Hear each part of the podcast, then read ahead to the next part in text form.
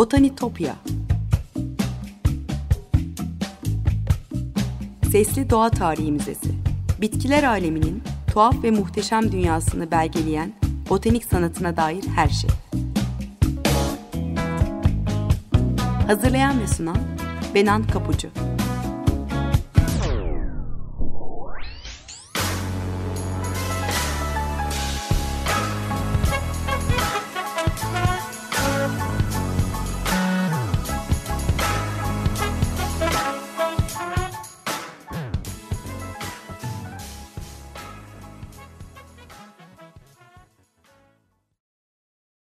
Merhaba sevgili Açık Radyo dinleyicileri. Botanitopya'ya, bitkiler aleminin tuhaf ve muhteşem dünyasına hoş geldiniz. Anlatıcınız ben Benan Kapucu. botanitopya.gmail.com elektronik posta adresinden ya da aynı adlı Twitter hesabımdan bana her zaman ulaşabilir. Yorumlarınızı ve anlattığım konuya dair katkınızı paylaşabilirsiniz. E, program radyoda yayınlandıktan sonra Spotify'dan Açık Radyo Podcast yüzünden e, tekrar dinleyebileceğinizi de hatırlatmak isterim. Sevgili dinleyiciler bugün Shakespeare bahçelerinde gezineceğiz biraz. Birinci Elizabeth dönemiyle özdeşleşen, içinde gezinilen, oturulan küçük bir zevk bahçesi, keyif bahçesidir bu. Burunları şenlendiren kokulu çiçeklere, her yerde serpilen şifalı otlara ev sahipliği yapan bahçeler, Orta Çağ el yazmalarında resmedilen Hortus Conclusus yani gizli bahçelerin bir devamıdır. Haçlı seferine çıkmış sevgililerini, kocalarını, babalarını, oğullarını ve erkek kardeşlerini sessiz sedasız bekleyen hanımların oturup gergi fişlediği, gezginlerin, lord ve lady'lere neşeli hikayeler anlattığı, lavta ve viola eşliğinde müzik dinlenen kuş cıvıltılarıyla dolu bahçelerdir bunlar. Shakespeare bahçesini anlatırken eski bir kitap rehberlik ediyor bana. Dijital kopyalarına siz de ulaşabilirsiniz kolayca. Esther Singleton'ın 1922 yılında yazdığı The Shakespeare Garden, Shakespeare Bahçesi kitabında anlatılıyor e, gravürler eşliğinde. E, Roman de la Rose gibi Fransız alegorik şiirlerinde de anlatılan bahçeler, e, bu gizli bahçeler düz ve kare biçimlidir. Bilinen her meyve ağacı vardır. Şeftali, erik, kiraz, elmanın yanı sıra e, Anadolu'dan ve egzotik topraklardan gelen incir, nar, hurma, badem, kestane ve Hindistan cevizi gibi rıçamlar, serviler ve defneler yeşil e, duvarlar yaratıyor. Kara ağaçlar, akça ağaçlar, diş budaklar, meşeler, titrek kabaklar, porsluk ağaçları iç içe geçmiş dallarıyla güneş ışınlarına karşı gölge yapıyor ve yemyeşil çimenleri koruyordu. Geyikler korkusuzca gezinir, sincaplar daldan dala sıçrarken su kanalları bahçenin çimlerini kadife gibi yapıyordu ve toprak kuştuğu bir yatak kadar yumuşaktı. Dünya öyle bir lütuf sahibiydi ki hem kış hem yaz çiçekleri aynı anda açıyordu. Tarla kuşları, bülbüller, ispinozlar, güvercinler ve kanaryaların söylediği şarkılarda cabası. Bu alegori e, 10 3. yüzyılın illüstratörlerini cezbediyordu elbette. Pek çok müzenin kütüphanesinde cam kutular arasında e, cam kutuların içinde sergilenen el yazmaları da çıkar karşımıza. Bahçede çiçek toplayan, çimenlikte veya taş koltuklarda oturan, çelenk yapan hanımlar o kadar ustaca çizilip boyanmıştır ki yüzlerce yıl önce bir bahçede hayatın nasıl olduğunu gözümüzde canlandırmakta pek de zorluk çekmeyiz. E, British Museum'da sergilenen 15. yüzyıl bir el yazmasında bir bahçede olması gereken bitkiler de sıralanır örneğin. Menekşe, ebegümeci, karaindiba, nane, adaçayı, maydanoz, mercan köşk, rezene, kimyon, ısırgan, kekik, fesleğen, biberiye, sedifotu, frank soğanı, hindiba, kırmızı gül, haşhaş, kutusun, çuha çiçeği, safran, zambaklar ve Roma şakayıkları gibi uzar gider bu liste. Shakespeare bahçesi hangi zaman dilimine karşılık geliyor derseniz, e, Henry Tudor'un tahta çıkışı, ardından İngiltere'nin büyük iç savaşı olan Güller Savaşı'nın sona erdirmesi ve 1. Elizabeth'in tahta çıkmasıyla birlikte görece barış ve refah yaşandığı bir dönemi kapsıyor. E, o zaman kale duvarlarına ve sur kentlerine ihtiyaç azalır. Arazilerin yayılmasıyla birlikte müstakil evlerin ve bahçelerin inşası için fırsatlar doğar. Orta ve üst sınıf İngilizler için bahçeler keyif ve eğlence yerine dönüşmeye başlar. Yurt dışından gelen ve yerelde yaygın bulunan sonsuz sayıda bitkilerin tanıtımına adanmış ilk İngiliz bahçecilik kitaplarının yayınlanması da bu eğilimi ateşler. E, Thomas Hill'in The Garden's Labyrinth yani Bahçenin Labirenti, Francis Bacon'ın Essay of Gardening, bahçıvanlık üzerine bir deneme ve John Parkinson'ın e, Paradisi in Sole Paradisus Terrestris, Güneşteki Cennet, Yeryüzündeki Cennet kitapları gibi. Hill'in 1577 yılında yazdığı The Garden's Labyrinth kitabı, e, labirentler, düğümlü bahçeler ve birbirine dolanmış ağaçlardan oluşan gölgeli çardakların nasıl inşa edileceğine dair ayrıntılı tasarımlar ve talimatlar içeriyordu. Pek çok e, bitki ve çiçeğin faydalarını açıklıyor. E, donla ya da salyangoz, köstebek ve diğer bahçe zararlılarıyla nasıl başa çıkılacağına dair ipuçları sunuyordu. Elizabeth bahçesi hem işlevsel hem dekoratif özellikleriyle erken ortaçağ bahçelerini takip ediyor dediğim gibi. Simetri ve düzen öne çıkıyor. E, kare biçimli olan bahçeler kurt bağrı, ilex, biberiye ve eglantin gülünden yüksek çitlerle ya da tuğla veya taştan yapılmış duvarlarla çevrilidir. Bahçe büyüklüğüne bağlı olarak her biri farklı bir amaç e, için ayrılmış. E, alanlara da bölünüyor. Hoş çiçeklerden oluşan e, spor ya da eğlence, dinlenme amaçlı pleasance yani zevk bahçesi. Sebze ve otlar için bir mutfak bahçesi. E, tıbbi kullanım için otlar ve çiçeklerin, e, şifalı otların olduğu bir şifalı bitkiler bahçesi. Ve hanenin e, meyve ihtiyacını karşılayan bir meyve bahçesi gibi. Düğümlü bahçeler yani not e, garden dediğimiz düğümlü bahçeler ve labirentlerden oluşan simetrik bahçe tarif ediliyor The Shakespeare Garden kitabında. Karmaşık çitler ve ağaçlar desenler oluşturur. Labirent günün modasıydı, o günün modasıydı ve elbette paradoksal bir şekilde ziyaretçileri kaybolmaya teşvik etmek için tasarlanmıştı.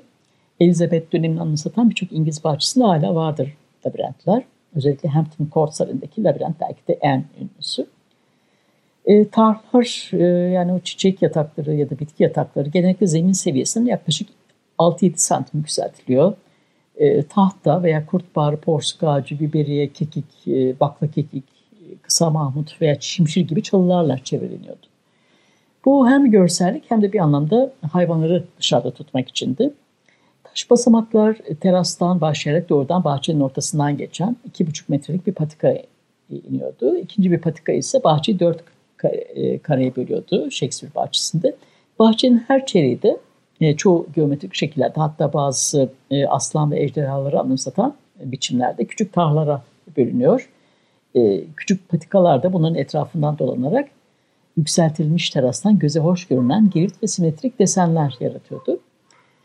Bazı patikaların kesiştiği noktalarda da dekoratif çömlekler, çeşmeler, güneş saatleri ya da bir heykelde olabiliyordu. Elizabeth bahçesinin çok faydası vardır elbette. İçinde kaybolmak, sessizce oturmak ve hayal kurmak için. Birinci Elizabeth'in görevi sadece çiçekleri tazelemek olan bir Nedimesi da yazıyor. E, majestelerine bitki tedariki ofisi. E, Kraliçe Anne'in hatta 1. George'un hükümdarlığı boyunca 1713 yılına kadar devam etmiş. Çiçekler evlerin dekorasyonunda da önemlidir o yüzden. 1560 yılında İngiltere'yi ziyaret eden Hollandalı gezgin Dr. Leminius bundan çok etkilenip şunları yazmış.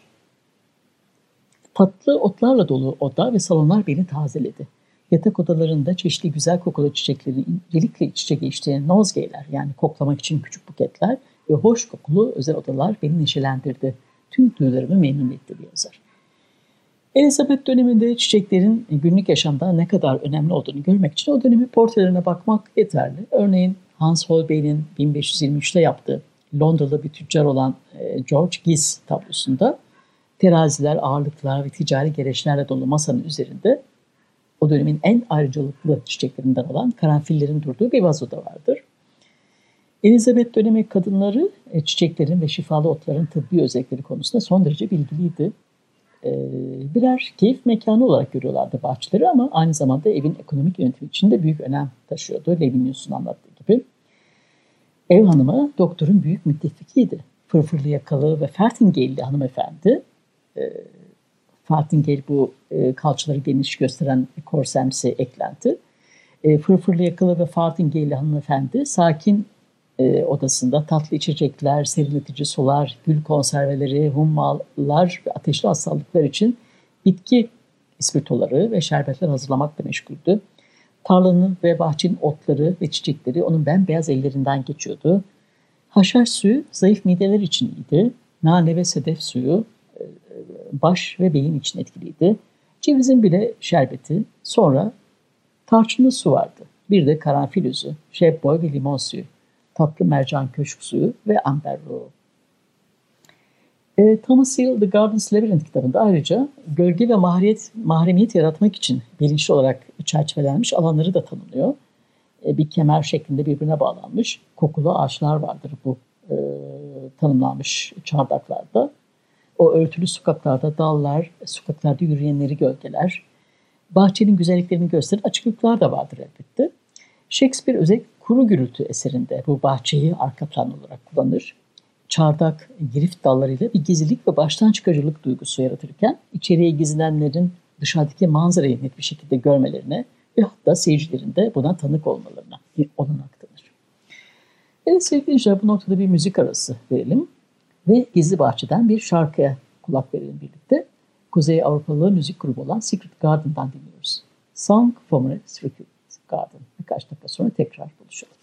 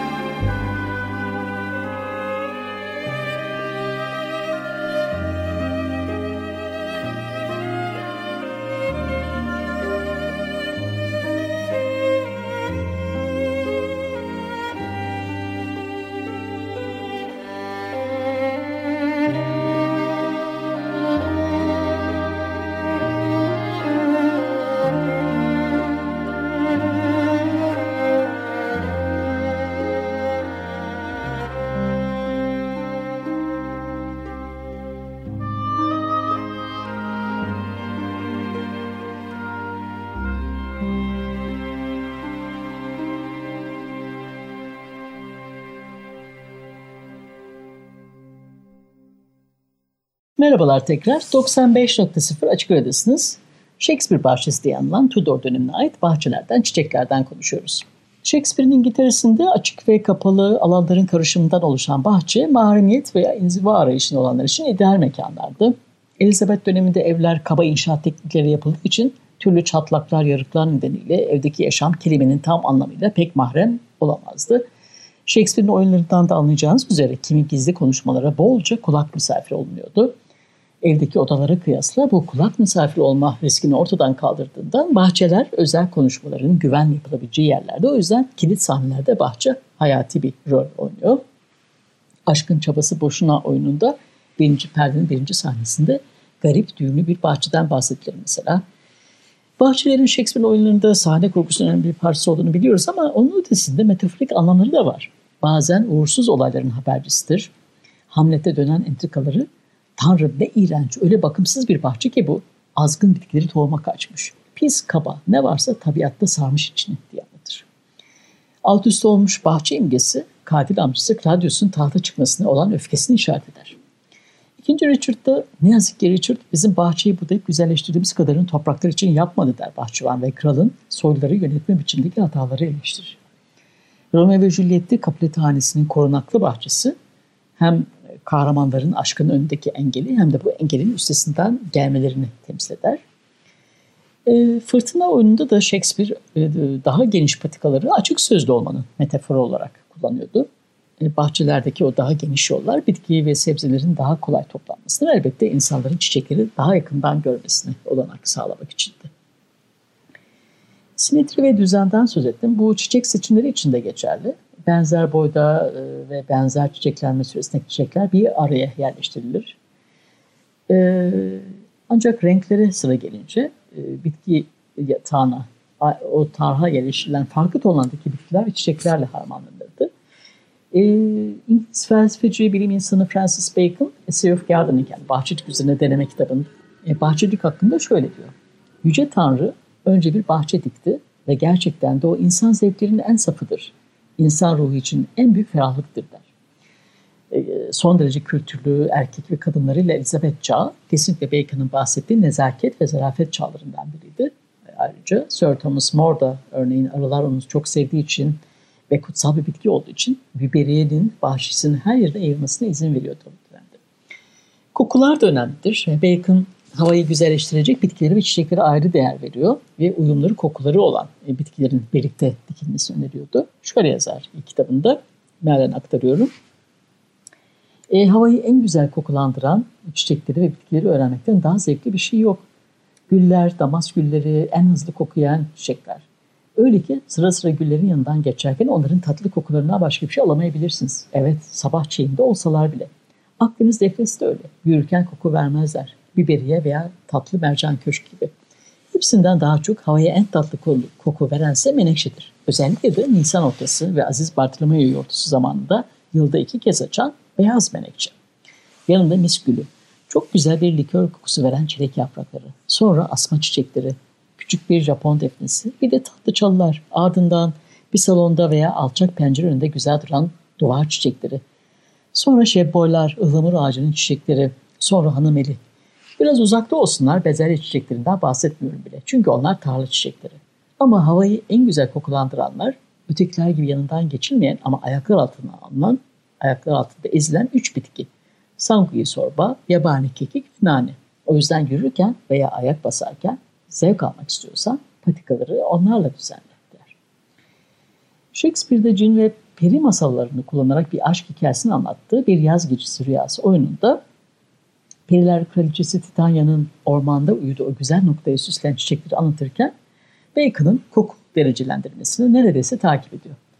Periler Kralı Oberon ikinci perde birinci sahnede şöyle tarif eder o güzel yeri.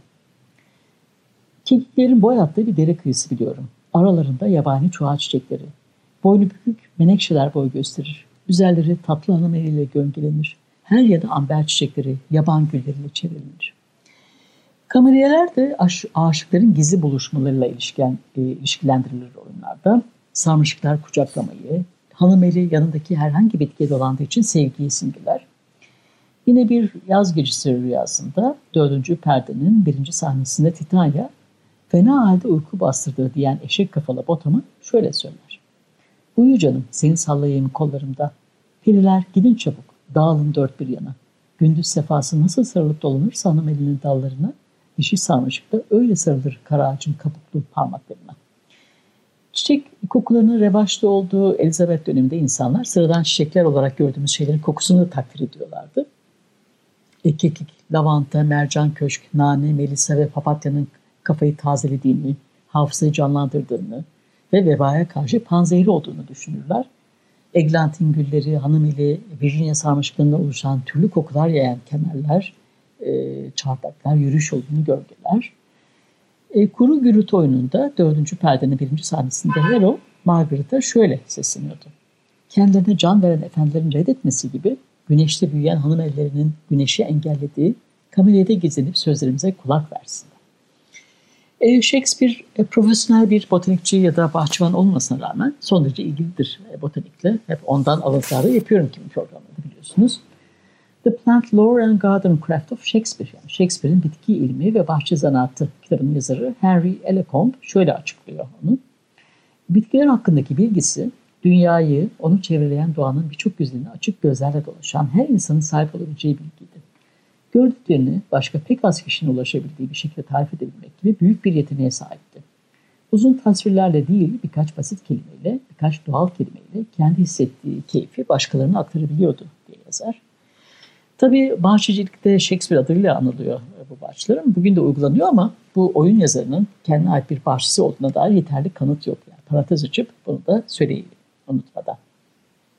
Ölümünden 13 yıl sonra yayınlanmış olmasına rağmen John Perkins'ın e, Paradisi in Sole, Paradisus Terrestris yani güneşteki cennet, yeryüzünde bir cennet kitabı tam olarak Shakespeare'in aşina olduğu bahçelerin tarzını ve çiçeklerini, çiçek çeşitlerini anlatıyor. E, yetenekleri sarayca takdir edilen bir eczacı olan Parkinson kendine ait bahçesinde Shakespeare'in zamanında tuhaf çiçekler olarak adlandırılan yeni yabancı e, ithal egzotik örnekleri de yetiştiriyordu. Elizabeth bahçeleri 1590 civarında Levent Company'nin bir üyesi olan Londralı bir tüccar olan Nicholas Leith'e çok şey borçlu. Onu da eklemek gerek. Türkiye ile ticaret yapan önemli bir tüccar olan Leith'in muhteşem bir bahçesi vardı. E, Türkiye ve Suriye'de bitki örneklerinin peşine düşmesi için bitki avcıları da tutuyordu. Halep'teki uşağı, Londra'ya laleler, bazı zambak türleri, örneğin martago veya Türk zambağı, e, süsenler, e, birçok yeni anemon ya da diğer adıyla rüzgar çiçeği gibi birçok yeni çiçek gönderiyordu kraliyette. E, Konstantinopolis'ten gelen güzeller güzeli bir çift sarıgül de vardır onların arasında. Evet, sevgili dinleyiciler, Botanitopya'daki hiçbir yolcumuz bu hafta da böyle e, Shakespeare'in ilham verici bahçesinde dolaştık bugün. Program destekçilerime gönülden teşekkür ediyorum. Tekrar görüşünceye dek sevgiyle ve duayla